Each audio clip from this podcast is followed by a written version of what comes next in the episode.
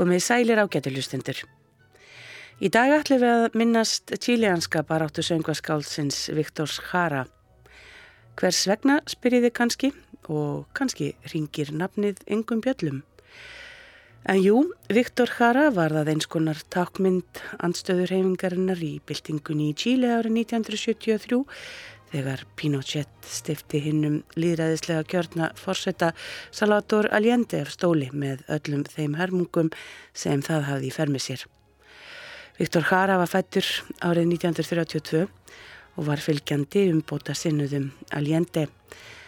Hann var handekinn, pintaður og tekin af lífi á þjóðalengvaginum í Santiago, fingur hans brotnir og í hann hend gítar með skilabóðunum og spilaði nú.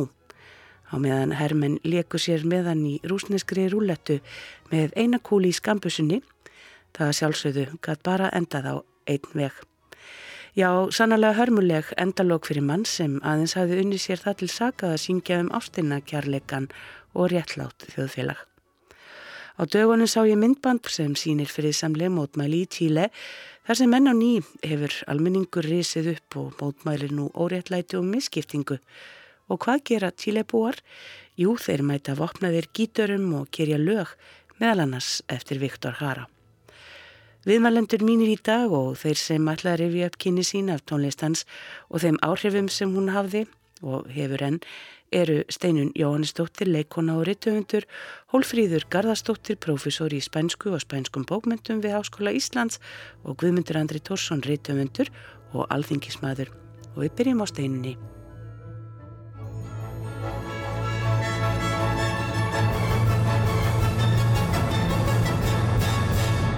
Sumarið 1973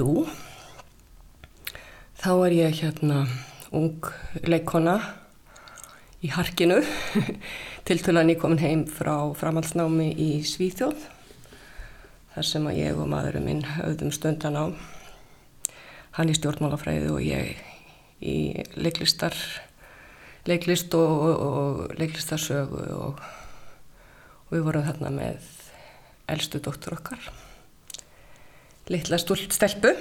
Og svo eru semst komin heim og, og byrjuði að vinna og ég var í alls konar harki. Og hafði verið ráðan til þess af samtökum herstuðu anstæðinga að sittja á skrifstofu þeirra og það var alls konar mótmæli gangi á þessu tíma. Að meðan hans fyrir að færa landhelginu út í 50 mílur og það þurfti að hérna organisera stóra, stóran mótmálafund. Svo ekkert nefnir framhalduna af þessu og það var líka verið að útbúa, undirbúa kefla aukagöngur og þá er ég ráðinn til þess að, að hérna skipulegja uh, fríðaráðstöfnu sem var haldinn á Hotel Loftleiðum. Þetta var ekkert stór ráðstöfna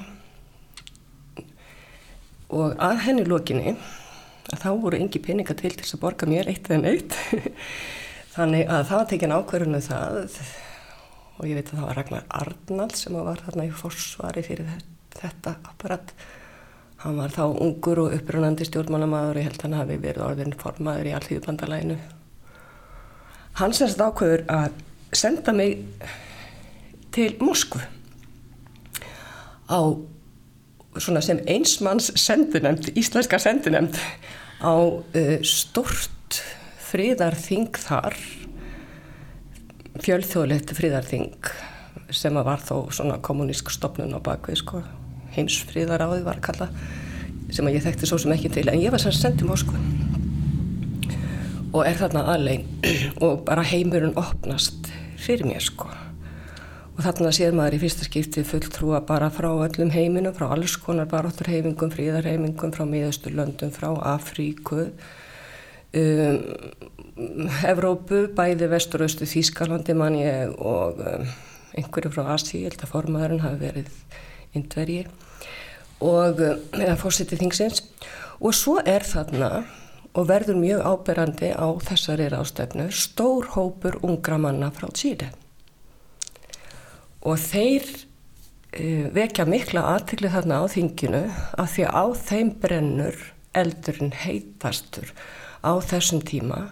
Og þeir eru að reyna sagt, að vekja aðtikli á því að það sé mjög líklegt að herrin í Chile muni taka völdin af uh, fórstanum Salvador Allende sem var líðræðslega kjörinn fórsti en það var búið að berjast mjög hattramlega gegn honum með e, e, aðstóð bandargemanna meðan annars sko. Og þessi strákar þeir hérna vöktu uh, svo mikið aðtikli mína og þeir voru svo ákafir og þeir bara þið verður að trúa því þetta er að gerast. Og svo þegar ég er komin heim þá bara kannski halvu mánuði setna eða sem sagt 11. september 1973 að þá verður þetta valdarán í Tíle og ég hugsa bara heyrðu þessi stráka frá Tíle, þessi sendininn frá Tíle, þeir sögðu satt þeir vissu alveg nákvæmlega hvað myndi gerast og það er þessi þessi hérna hryllilegi atbyrðu sem satt við hérinn uh, undir fórustu hersöðingjans Pinochet hann gerir alluga að fórstarhöllinni og að uh, Salvador Allende sem að uh, er síðan myrtur eða neittu til að fremja sjálfsmór það eru svona eftir á eru ólíka skýringar af því. En í þessum Uh, hryllingi sem að þarna breyst út með morðum og ofsóknum þá var gríðalegum hópi fylgjenda Salvadors Allende listamönnum alls konar uh, fólki í pólitískri baróttu sapna saman á íþróttavellin þeirra stóra í höfuborginni Santiago de Chile. Og þetta fólk sætti ofbáslum pyntingum og svo var það skotið. En frægastur þeirra sem að þarna voru pyntaðir var þetta mikla söngvaskáld þeirra tílimanna Viktor Jara og sagan um hann sem að tekin var til fanga hún flög um heiminn með fréttamiðlum þess tíma ekki alveg eins fljótt eins og núna en samsagt það fylgti sögunni að hann hefði verið pintaður skjálfilega um, á þessum íþróttavelli og það hefði verið brotnir á honum fingurnir svo hann gæti ekki spila á gítarinn sinn. Ég verði alveg klökk að tala um þetta aftur. þetta hafði svo mikið lára á hann. Og síðan var hann skotin.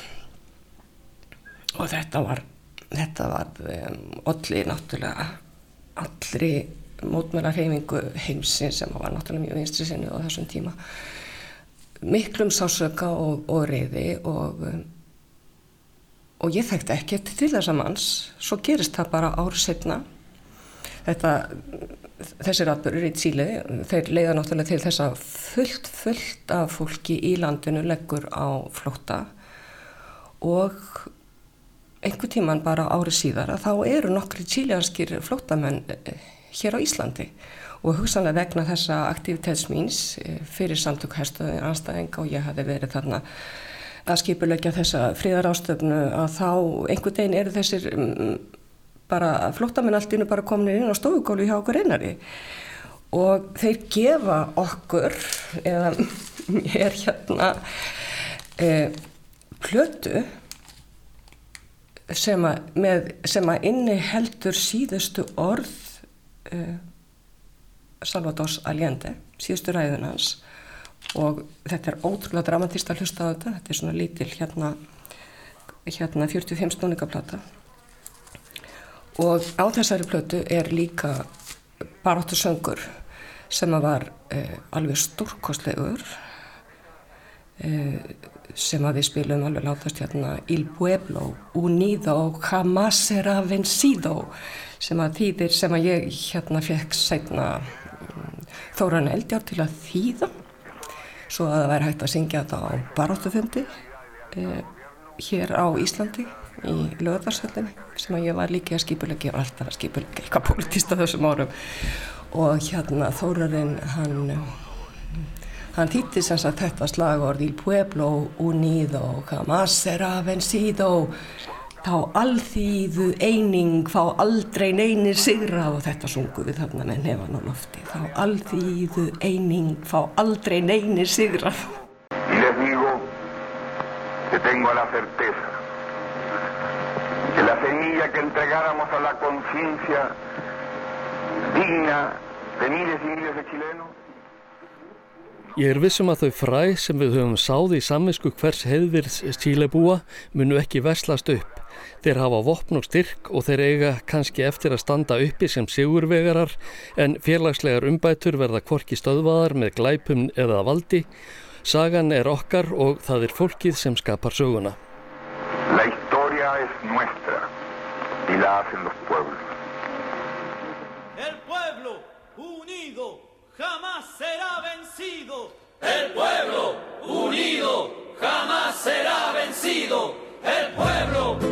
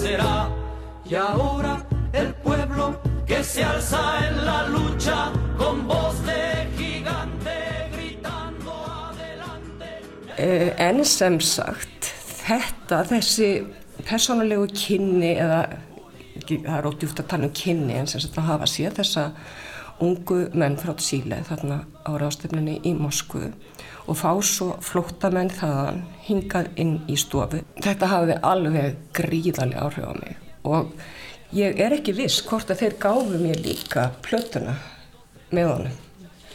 Eh, manifesto, það getur vel verið. Þetta er plata sem er mert mér. Því ég get ekki, ég ger ekki ráð fyrir því að það hefur hægt að kaupa þessa plötu hér. En ég fór reyndar einstakar sinni til Svíþjóð, kannski hef ég kæft hann í Svíþjóð en þessi plata var sko spiluð í tællur hér á þessu heimili. Hún er hún er þaldið rispu til að byrja með en, en, en það er í henni náttúrulega alveg ótrúlega mikill. Já, hann hefur verið stórkoslu listamæður en hann var líka mikill pólitíkus og hann var mikill, eða þess að tók þátt í pólitískri baráttu og, og var svona eins og út fólk á þessum árum að berjast fyrir, sko, Suður-Ameríka átti miklu vanda á þessum árum. Það voru herfóringjastjórnir í mjög mörgum landum í Suður-Ameríku og bandaríkja með voru með puttan í, í því að halda þessum herfóringjum. Fóra þá með, með hérna bæði hugmyndafræði og opnum. Og Síle var nefnilega varð undatækning á tímabili þegar að Allende var sagt, kosin í líðræðilslegum kostningum sko. og svo var þetta brotið á bakaftur. Þannig að já, þetta er svona, þetta er, um, þetta er maður sem hafi ótrúlega mikil áhrif á mig og hans bara rætta og svo hefur hann náttúrulega svo indislega rætt og, og hérna þó ég skil ekki spænsku en, en ég gætt skilt, hérna ég gætt skilið þetta e, þessa texta e, miklu betur þegar ég var búin að kaupa plötuna með Cornelis Vreesvík sem að söng uh, lögin hans hvara og þýtti sjálf textana. Og það er alveg ótrúlega flottur flytningu líka þannig að Cornelis hún er uh, Viktor Hvara það er, það er líka svona plata sem var spiluð alveg enda löst hérna. En finnst þér ekki svolítið merkilegt að núna 46 árum síðar að uh, þá er ennþá þörf fyrir að syngja þetta í Chile og þeir finna þörf fyrir það og, og, og það kemur fram á mótmálum þar sem þeir eru að syngja launans. Jú, ég gerði mér ekki grein fyrir því fyrir þannig að, að þú bendi mér á þetta. Ég hef til dæmis ekki séð þetta ótrúlega YouTube þar sem að, þar sem að hérna uh, allt þetta fólk mætir með gítaruna sína og slær gítaruna og það hefur náttúrulega svo sterka vísun í Chile vegna þess að gítarinn var verkfærið hans og náttúrulega söngrötinn og að fingurnir á hann voru brotni svo hann gæti ekki eh, hérna spila á gítarinn. Þannig að gítar í Chile er náttúrulega ótrúlega stert mótmæla afl og um, jú, ég hef hérna mér finnst þetta stórkoslegt að sjá að laugina séru tekjum fram aftur en ég hef þetta mikla ráðgjur af, um, af ástanduna þarna og um, Sko, þetta kostiði svo mörg mannslífa á sínu tíma og maður er alltaf ótrúlega sorgmættur þegar að, að hérna brjótast út eh, svona hörð innan lands átök að það verða borgarstyrjaldi, það eru sárustu stríðin eins og erum náttúrulega verið að veitna aftur og aftur. Og það vil svo til ásamlega einkennilega að núna eigum við sem sagt lítinn frænda í Chile í þessari fjölskyldu því að bróðurdóttir Einars Mansins míns hún Hún heitir Harpa Elín Haraldsdóttir, hún er mannfræðingur að, og dansari, þannig að hún heitir mann, uh, tíljanskan og ásensat tíljanskan eigin mann og, og hálf tíljanst bann og hún býr í Santiago.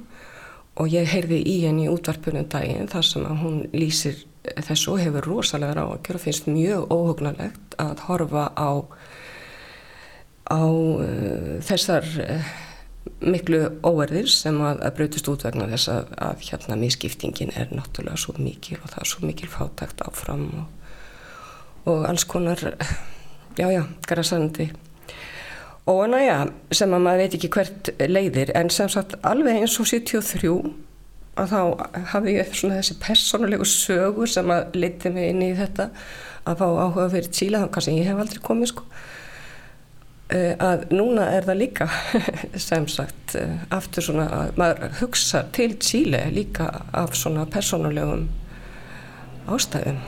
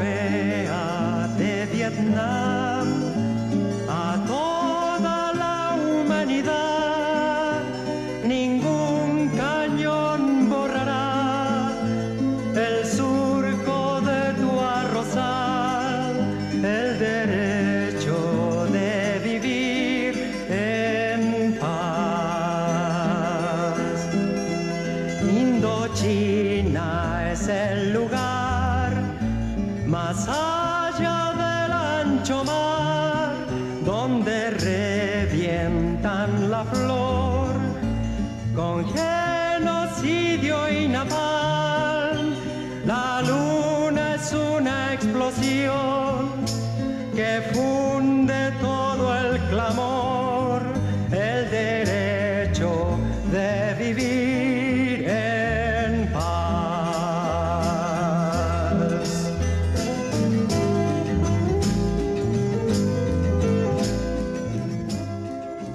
Ég náttúrulega var orðin hálfullorinn kona þegar ég kynntist honum fyrst og flutti til, eh, eða fór til Costa Rica þegar ég var eh, ung kona.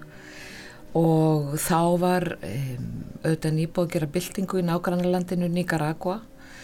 Og þar hljómaði um, á, í löndum í Ameríku meðal þeirra sem að annarkort stuttu, höfðu stutt sem sagt um, byltingaröflin á Kúbu byltingaröflin í Nicaragua og frelsishreyfingarnar sem voru mjög öflugar og virkar í löndum í Ameríku. Það var auðvitað geysandi borgarastyrjöld í bæði El Salvador og Guatemala og þessi tónlist, þessi ansbyrnu tónlist mótumæla söngvar hljómuðu út um allt og þar einhvern veginn, ég tók þátt í einhverju sjálfbóðilega starfi með Amnesty International í Costa Rica og þar var bara á skrifstofunni hljómaði þessi tónlist og ekki bara Viktor Hara heldur auðvitað annara uh, söngva skálda af sömu kynnslóð og sem höfðu þetta sama markmið að nota listina til þess að koma á framfæri ákveðin bóðskap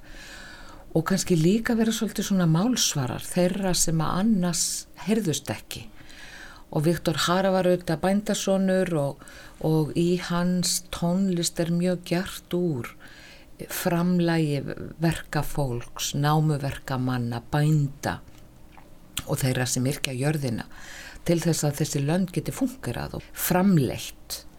Og uh, svo lesað mm, já þetta var svona, svona baksviðst tónlist sem, svo, sem hljómaði bara einhvern veginn alltaf En, eh, en var ekkit endilega mikið spilað í útvarpi eða svona almennum, ofenbyrjum fjölmiðlum frekar á mannamátum mm. og þá auðvitað bara og því sko e, þar sem að mentamenn komu saman og það sem þá voru róttæklingar kallað, ég veit ekki hvað er þið kallað í dag og e, svo leiðis að, að og þá var það bæði sko þessi lástemda gítartónlist sem að mótar þessa alla þessa hef, söngva hefð og síðan auðvitað aðalega textanir og textanir sem höfðu svo mikla sög að segja sem að e, einhvern veginn maður læriði bara utan að og sönglaði svona einhvern veginn með sjálfu sér og stundum með öðrum.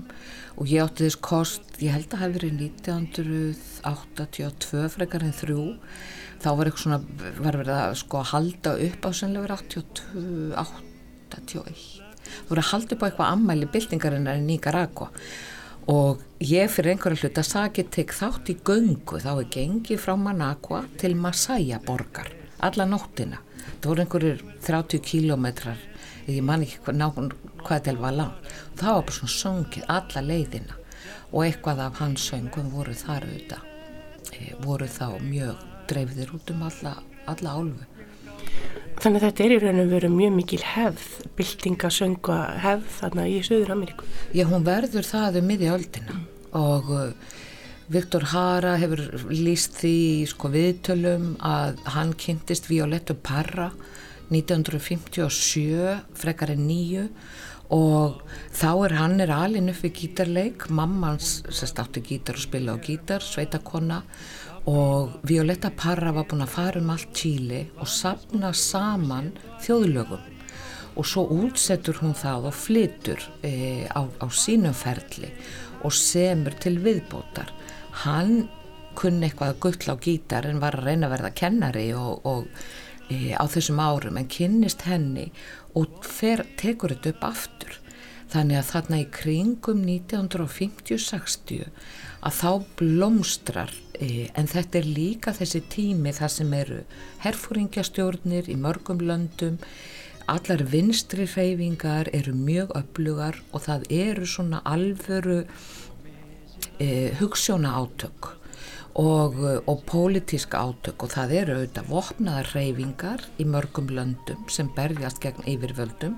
En svo eru líka svona reyfingar mentamanna og hugsuða og listamanna sem er ekki endilega að taka þátt í vopnuðu baráttunni en beita e, sagt, gítarnum eða kvikmyndatöku vélinni að því sem að e, minna er þekkt eða einhvern veginn minna er lift undir í samfélaginu sem eru þessi um, framleiðslu hlutverk bænda og verkamanna og námuverkamanna í löndum eins og Tíli mm. og til þess einhvern veginn að benda á óréttlatið og uh, það eru náttúrulega sko fjöldin allur af ljóðskáldum og tónskáldum og, og tónlistamönnum en líka málurum og, og eins og Diego Rivera í Mexiko sem að auðvitað málar allar sínar myndir og þar er verkamadurinn í, í stærstu hlutverki. Svo þetta er reyfing og hann er einn af þeim og síðan hefur síðan eru liðin mörg ár og, og þetta hefur svona blómstrað og dalað og blómstrað og þess vegna er þetta svo aðtilsvægt að sjá núna þegar að, þegar að síður upp úr aftur í Tíli að þá draga, dregur fólk fram gömlu plöturnar og segulbönd spólurnar og, og rifjar upp þessa sömu tónlista því að hún á enn við. Það hefur ekkit svo, svo margt breyst í rauninni, órétt lætið er alveg jafn mikið og það var 1960 eða 50 svo lesað að þess vegna einhvern veginn verður þetta svona ódöðulegt þó að kannski sé mismikið sem fer fyrir því. Mm. og uh, því að ég var bjóð svo setna í, og, og stundaði nám í Argentínu skömmu eftir að herfóringastjórnin þar fór frá völdum. Það var á þeim tíma sem ég voru voru gerðar sko tilraunir til valdatöku hersins. Og all, ég var á hugvísindasviði háskólan sem var ný uh, opnað aftur uh, því að var loka á tímum herfóringastjórnarinnar og þegar að tilröndi valdaráns er þá bara tæmast allar stofur og allir faranir á torg fyrir framann þinghúsið. E, fleiri týjir þúsunda manna safnast þar saman og þá er aftur byrjað að syngja. Og þetta eru það eru þessi sömu og þetta er svona leið til að mótmæla er að syngja. Um, það er ekki bara fótbolltaleikjum í Söður Ameríku það sem er sungist á á millir stúkana en þetta er einhver svona já, sterk hefð mm. fyrir að mótmæla með þessum hætti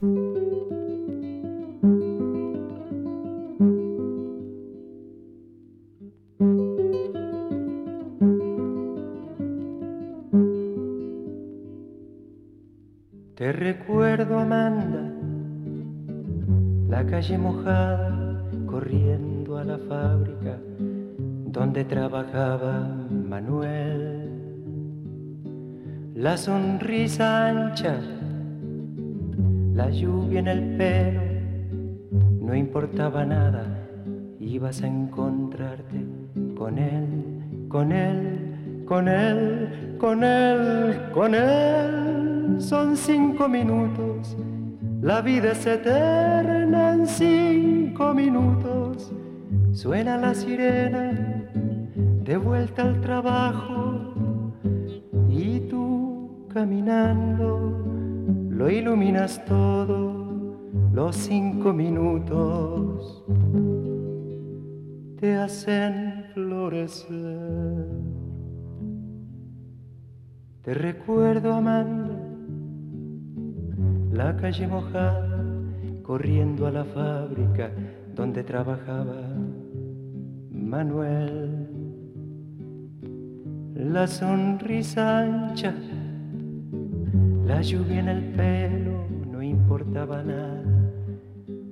Ibas a encontrarte con él, con él, con él, con él, con él, que partió a la sierra, que nunca hizo daño, que partió a la sierra y en cinco minutos quedó destrozado. Suena la sirena, de vuelta al trabajo, muchos no volvieron, tampoco Manuel. Te recuerdo, Amanda, la calle mojada, corriendo a la fábrica donde trabajaba Manuel.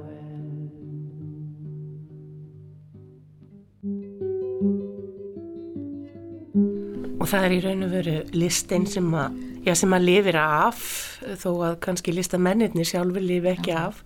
Uh, og einn af þeim er uh, líka Pablo Neruda sem að, uh, ja, gru, grunur leikur á að hann hafi ekki dáðu hjartaslægi heldur hafi verið eitra fyrir. Að hann er náttúrulega líka stert afl og, og, og, og reytuðundar þarna í, í Chile. Já, já, og er samtíma maður og Viktor Hara gerir tónlist við þó nokkuð að ljóðunum hans og þegar að, sko, þetta gerist allt á sama tíma, Viktor Hara hvað þeir um, er tekin af lífi, skotin í höfuðið einfallega eftir að þeir eru búin að brjóta á honum alla fingurnar og rétt honum svo gítar um, og hlæja á honum, segir sagan. Og um, en hann og, og Pálo Neruda eru auðvitað af þessari sömu. Þetta eru vinstri menn þeir eru í pólitík og láta sig hana varða og um, Pálo Neruda skrifaði náttúrulega gríðarlega mikið og sumt af hans ljóðum er alls ekki pólitísk heldur e, bæði mikil svona óður til náttúrunnar og Chile sem lands. En á miðbyggi ferilsins þá mótast öll hans ljóðagerð mjög af því að svifta hulunni af óréttlætinu. Fyrst byrjar hann að beina sjónum að Chile en útfæri það svo á alla álfuna. Og Hara tekur upp þessi, þessi þennan sama tón eða þetta sama stef og, og semur tónlist við þó nokkuð að ljóðum hann svo flytur í, í mörgu sinnum og oft og mismunandi stöðum. Og báðir ferðast þeir ekki bara um Rómusku Ameríku heldur líka út fyrir álfuna og þannig að þetta deilist þessi eh, eða dreifist þessi músik, þessi tónlist eh, miklu víðar heldur en bara þar og eh, en síðan náttúrulega var einhvern veginn svona bæði ofemberlega en líka eh, svona neðanjarðar. Það var gríðarlega mikil samskipti, fólk var að flýja millir landa, fara á millir landa, sapnast saman einhver staðar og svo gengur svona pappisneplar sem fólk var með einhvern veginn í rasvasanum á milli og þannig var upplýsingum komið frá einu stað til annars. Það er svolítið merkilegt um, og kaltænislegt að Viktor Hara þessi að því að verðist ljúfi maður sem semur um ástina og kærleikan og, og fegurðina og allt það að skuli mæta svona hörmulegum örlögum. Um, og talandi um pappirsnepla þá er síðasta ljóðan sem hann samti þegar hann var búið að fara með hann á uh, þennan íþróttaleikvang í Santiago. Um getur svona aðeins endursagt svona hva, hvað það fjallar um. Því það var sko ritað á pappirsnebil að mér skilst og síðan falið í skóm eh, einhvers kunningjans. Og þannig já. komst það út úr kom, einhvers af sem komst undan úr, úr af íþróttaleikvanginu og ljóðið er heila svona staðarlýsing að hluta því að hann lýsir því hvernig þarna séu samakomni 5.000 manns og að það séu 10.000 hendur. Og þessar hendur á meðan þeim er haldið þarna séu þá ekki virkur þáttakandi framleyslu í landinu korki við að búa eitthvað til eða e, sá, sá e, frækornum í jörðina. Og, og síðan e, gerir hann mál úr því hver aðbúnaðurinn er e, óttanum, skelvingunni, grimdinni og á einum stað segir hann ég horða á mann barinn eins og ég hefði aldrei trúað að einn maður geti barið annan mann og orði barinn þarna geti auðvitað betur átt við mistyrmt og, og hann fjallar um, um annarsvegar brostnar vonir og örlögin sem býða hann gerir sér grein fyrir að það verði ekki nema nokkrir þeirra sem sleppi af þessum íþróttalenguangi lifandi.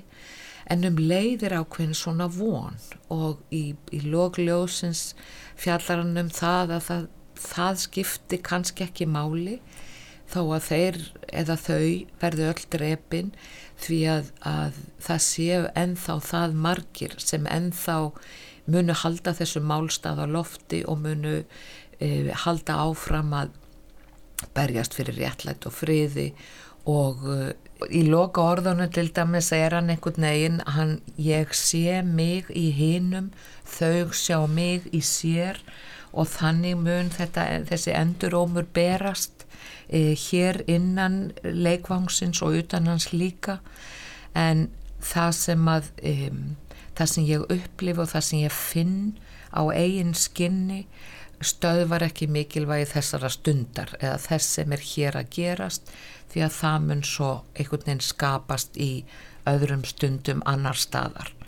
Þannig að þetta er einhvern veginn þessi þetta moment og þetta augnablík að augnablíkið er eilífðin og eilífðin er augnablíkið og það sem að þannig er að gerast er einhvern veginn bara svona brota brot af e, e, því sem að þarf að gera og er að gerast e, á sam, sömu stundu.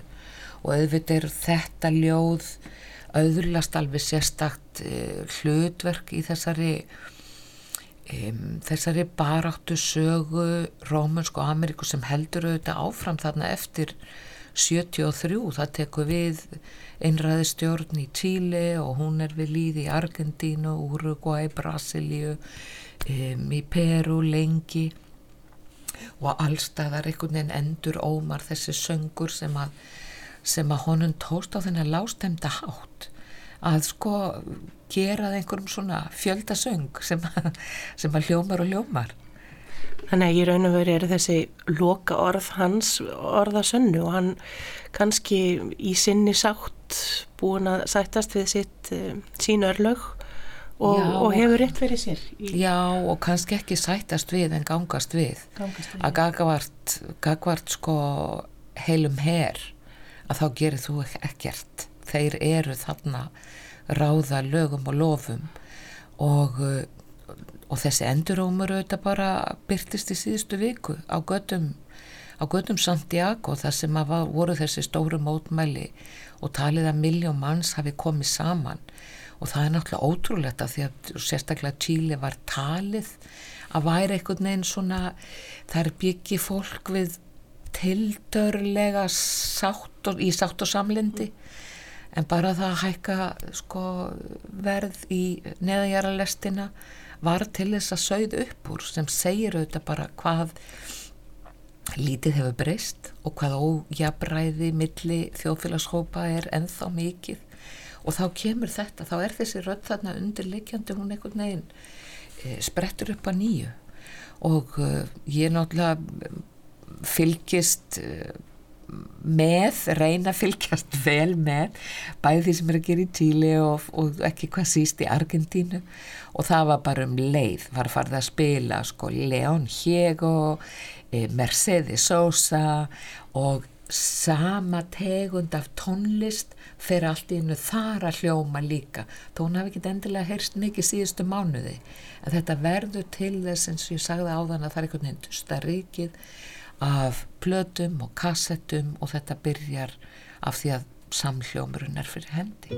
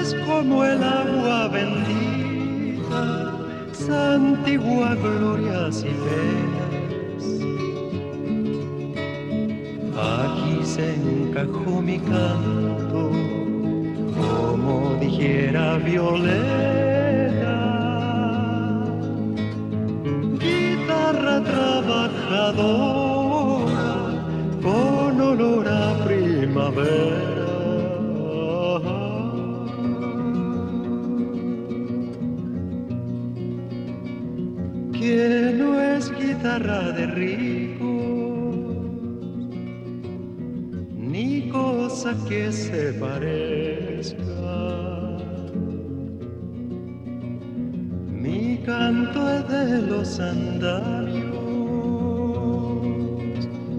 para alcanzar las estrellas.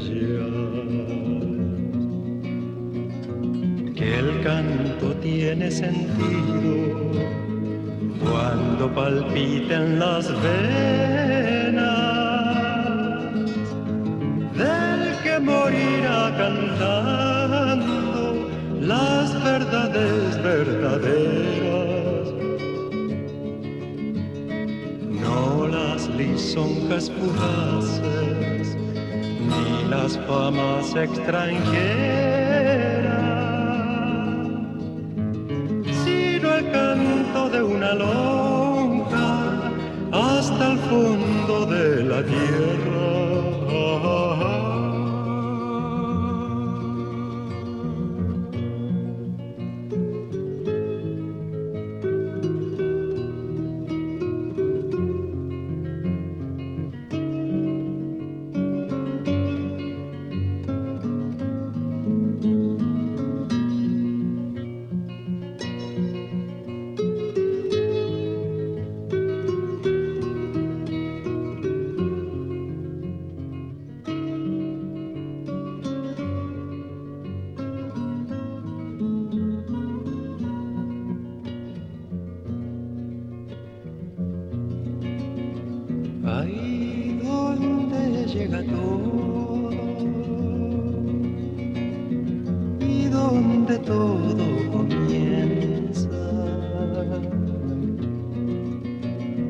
Canto que ha sido valiente, siempre será canción nueva. siempre será canción nueva. Siempre será canción nueva.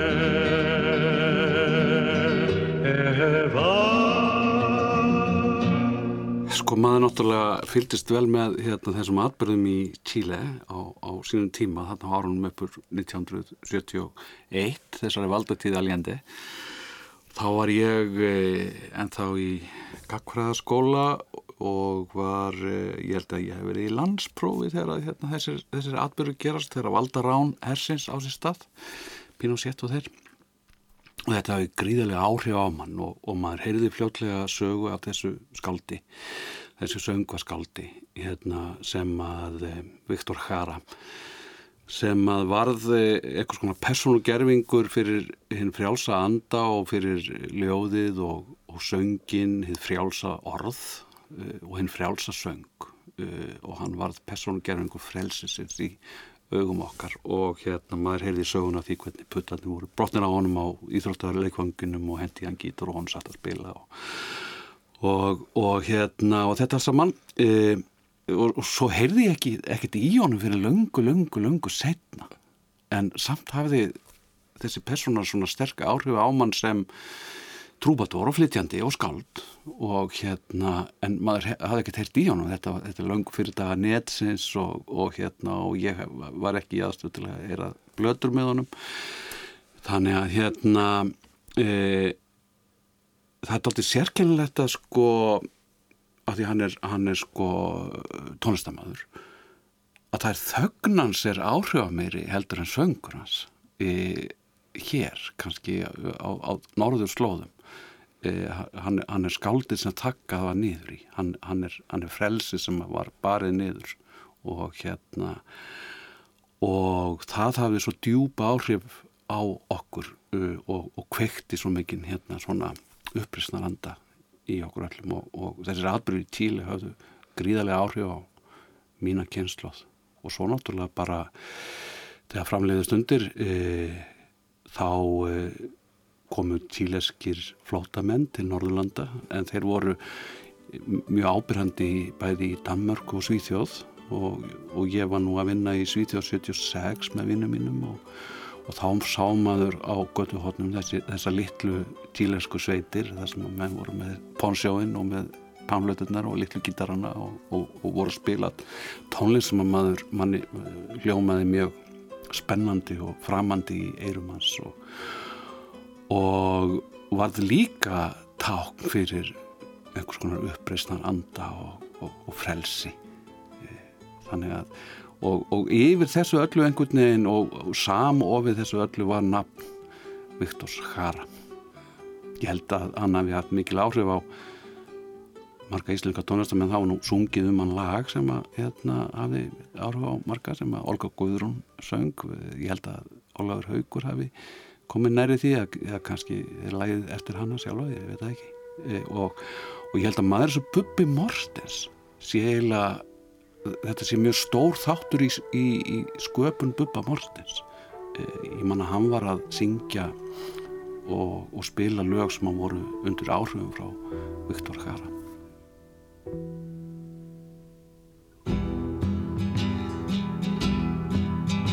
Það er solskin yfir Santiago borg og skíin líkjast fyririldum og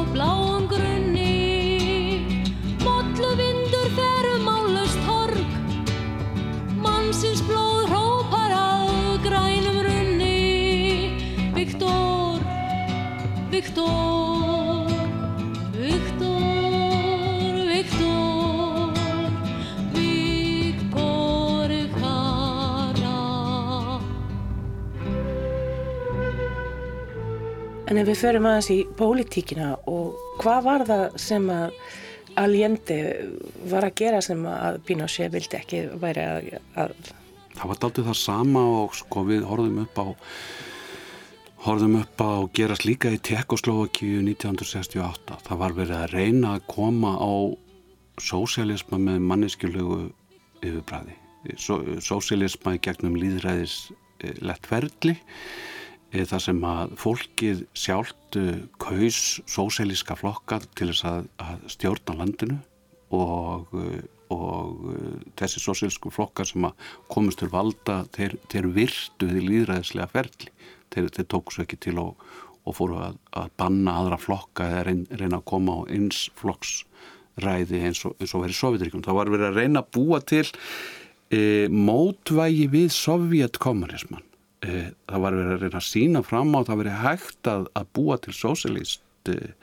kerfi e, samfélagskerfi, sósilist samfélag án þess að fara kúunaleið e, sovjetkommunismans og það var náttúrulega bæði í þá sovjetkommunismans og fasistana og kapitalistana að, að beita öllum ráðum til þess að bæla það niður bæla niður þann möguleika að fólki gæti e, komið sér upp e, sósilísku kerfi sem að hérna sem að e, kæmi sér vel fyrir allan almenning og það sem að væri tekið miða þörfum almennings og, og, og, og almanna hagur væri hafður á leiðarljósi e, frekar en stórfyrirtækja og fjármaks þannig að hérna bandarkja menn, það er bara líkur fyrir núna, þeir, þeir beittu öllum ráðum til þess að grafa undan stjórn aljendi sem að kemstandi valda og aljendi nýtur gríðarlega alltíðu hilli og, og standa við, við umbættur, efnaðslegar umbættur í þáu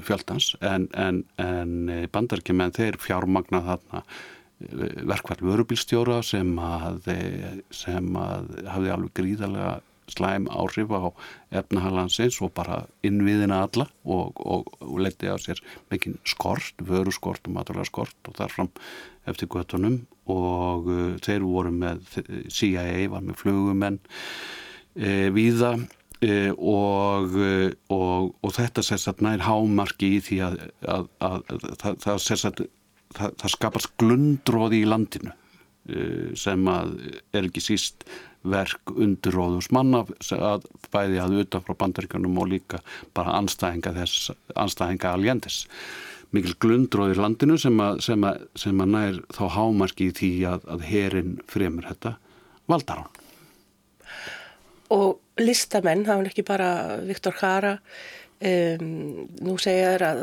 Pablo Neruda hafi mögulega líka verið drepun en hafa sagt að hann hafi nú bara fengið hjartafall. Drefnum eitri var sagt. Já, Já.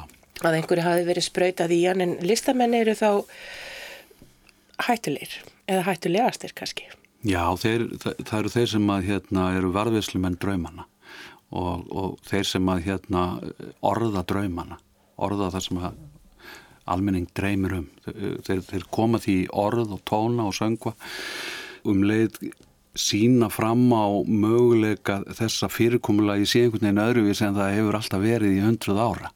Eh, þeir, þeir sko gefa þessu gefa, ge, gera þetta raunhæft og það gerir þá listamennina svo óskaplega hættulega þeir, þeir hérna inspirera, þeir, þeir blási brjóst hug, hugssjónum og, og hérna og löngun til þess að breyta og bylta mm. e, og, og það verður með öllum ráðum að þakka niður í þeim og þess vegna en þess vegna var líka þögn Viktors Hara svo hávær og, og ærandi og, og, og breytist í þessi þögn hans þessar skálds breytist í afl sem að varði hugssjóna afl fyrir ungd fólk á vesturlöndum til þess að breyta ymsu í sínum samfélagum líka þannig að þetta varð að lokum kannski jákvægt afl líka og varð e, á hendanum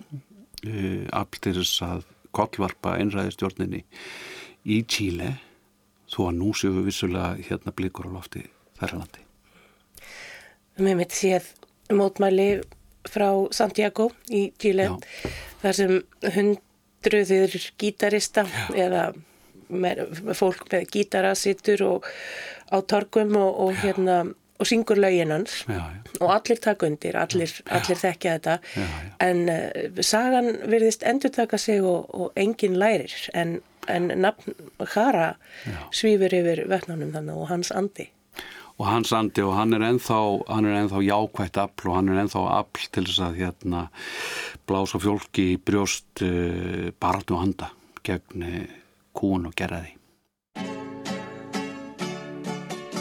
Ágættur hlustendur, ég þakka viðmælendu mínum þeim Guðmundi Andra Tórsinni, Hólfríði Garðarsdóttur og Steinunni Jóhannesdóttur kærlega fyrir að deila með okkur þessum minningum og hugleðingum. Endum þáttinn hér á lagi eftir Viktor Hara um grænu augun og það er sjálfsögðu hans sem syngur. Þanga til næst hafið það sem allra best. La vida niña de los ojos negros, la vida de los ojos colorados, la vida de los ojos colorados, la vida tus mayores, tus mayores son mis suegros, la vida tus hermanos, tus hermanos, mis cuñados, la vida niña de los ojos negros, ojos negros y pardos son los bonitos, son los bonitos. Pero los de mi gusto, los verdecitos, los verdecitos. Pero los de mi gusto, los verdecitos, los verdecitos. Los verdecitos, sí, cierto, y me muero. Por una que se llama, ya ni me acuerdo, ya ni me acuerdo. Por una que se llama, ya ni me acuerdo, ya ni me acuerdo cierto y así se muere el que te quiere, el que te quiere, se va a la segunda.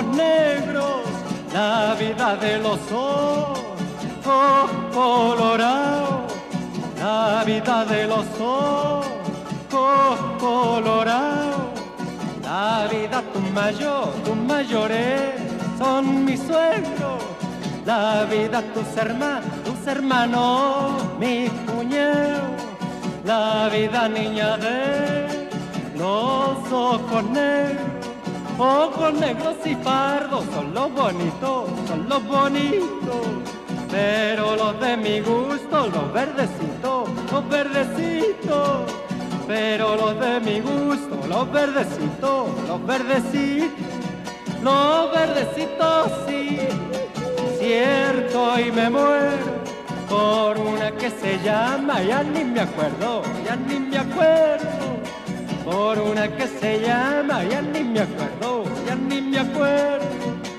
Cierto y así se muere el que te quiere, el que te quiere.